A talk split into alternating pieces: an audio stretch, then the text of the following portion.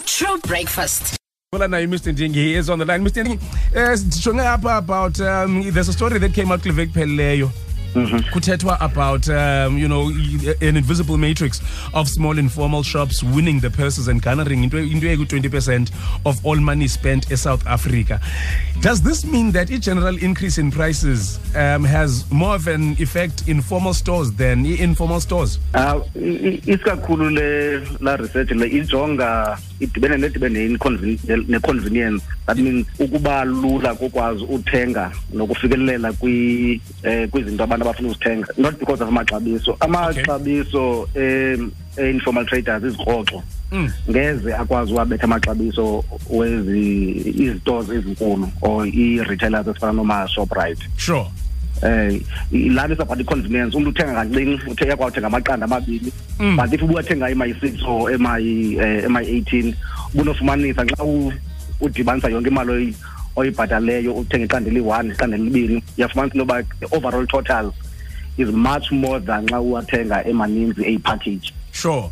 so le nto is all about i-packaging so sometimes abantu especially xa inyanga ilaa nto iphela Mm. umntu ufuna amaqanda but akanayo imali yothenga amaqanda la maninzi epackagini even if acheaper xa wathenga emaninzi Yeah. but kuba ke mhlawumbi unokwazi uthenga one or two at least phinde ube ne-access Mm. uh, so le nto is all about i-convenience sometimes that's why as informal traders sometimes kuthiwa zii-convenience stores Mm. because zikufutshane indawo kuqala apho abantu bahlala khona ezinye zazo Yes. and enye into nendlela abathengisa ngayo bayenza kube lula ukwazi uthenga itumato eyi-one Sure. eh, zibe mbini kanti kwi- kooma-woolworths nakoma nakoma-shoprite um spa um ixesha elininzi afumanisa uba izinto bazithengisa ngokwepackage espa uzukwazi uthenga iqanda eliyi-one okanye amaqanda amabili Yeah. Yeah. um so Yeah. kufuneka uthenge i- ilaa nto i- i-half dozen okanye i-dozen but xa ubala the overall total Mm. xa uyithenga into ipackage afumanisa uba ah ezi stores zinkulu zona ziya ziyazibetha izilalo izikroxo Izikroxo ezi. okanye izipaza shops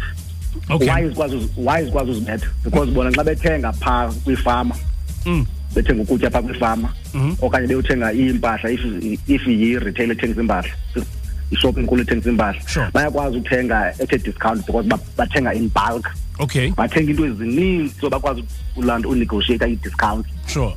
so yi-advantage yabo xa um- xa umkhulu uyakwazi uthenga kakhulu because une-customer base enkulu and uthenga ngeevolume ezinkulu so Yes. uyakwazi unegotiata ilaa nto i- ilaa nto i- i-discount ezinkulu Xa uthenga neelanto in zakho bulk. ne- nee-clients zakho because uthenga in bulk kanti if u- u- u- u- unguso- ungunosirhoxo okanye unespaza shop i-advantage yakho eh xa udilishana nee-customers Mhm. nee-clients zakho yi- yi-convenience that means le nto ukwazi abantu ukwazi ubathengisela eh ngeqanda ile-one Sure. and sometimes bayakwazi ke sometimes bayakwazi ke noba kubhalwe edolweni ke enye advantage yabo kubhalwe edolweni abantu bathenge ngecredit xa bengenamali Yes. ba-flexible Yes, ii-customers yes. zabo kanti akwazi uya em, elaa nto e- espa Uyo- okanye uyokwenza shoprite uyothenga uyothenga ngetyala Yeah. so so ba-flexible bona so i- i- and and ba- ba- babangela kubekho i-convenience okwazi uthenga kube lula uthenga izinto ufikelela kwizinto Sure.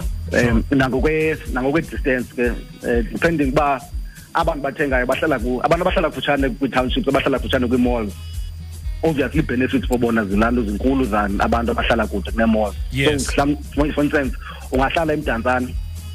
Kodwa kufuneka uphinde uthathe iteksi Uyothenga uyothenga eVincent. uyothenga noba uyothenga evincent uyothenga kwa kwi- kwi- kwi- kwimall Mm. esemdantsane Mm. because kubukhulu belokishi Sure.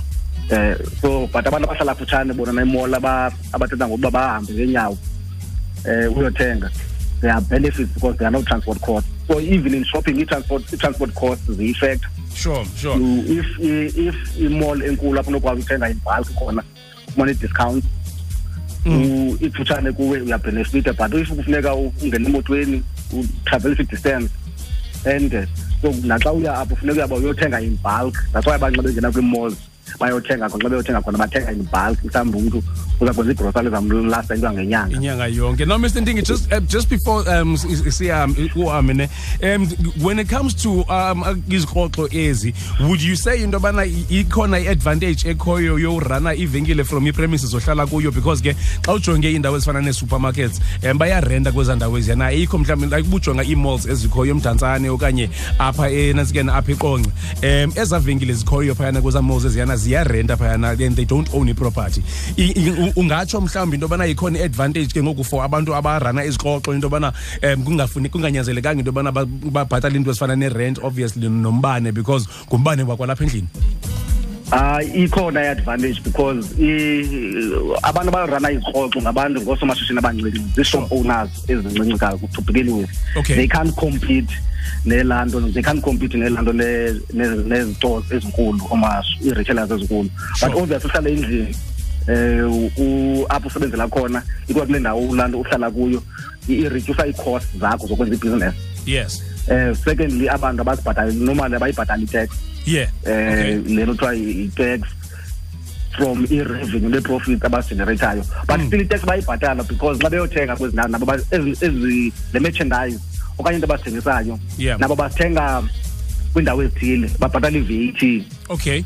So it's not completely true into yoba i-tax abayibhatali but i-exposure yabo kwi-tax yile nto kuthiwa i-indirect tax into ezifana ne-VAT because apho bathenga khona usually there is i-tax eseyifakiwe okay. kuyo bona ke ngoba senxa bethengile bafake yabo imargin bathengise ke price athi higher than le bathenge ngayo Oh, i-tax bayibhatala on the indirect side but on the direct side le ilanto i-corporate tax le nto i-corporate tax ibhatalwa ziikhampani ezi- ezi- ezilanto ezi-formal yeah eh bona bayibhatali because they are so small they can afford to to land to to buy to land to babhatala lo tax.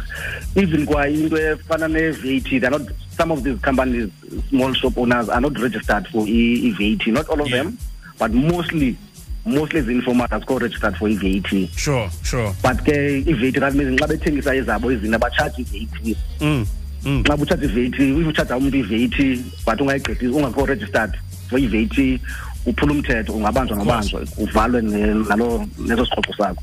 Nice one mr ndingi umahluko lapho. Masibambe ngazo zozibini mr ndingi thank you so much for coming through this morning man. Nos- nosicacisela into yobana kwenzeka ntoni na kanye kanye when it comes to um i-business talk yethu this morning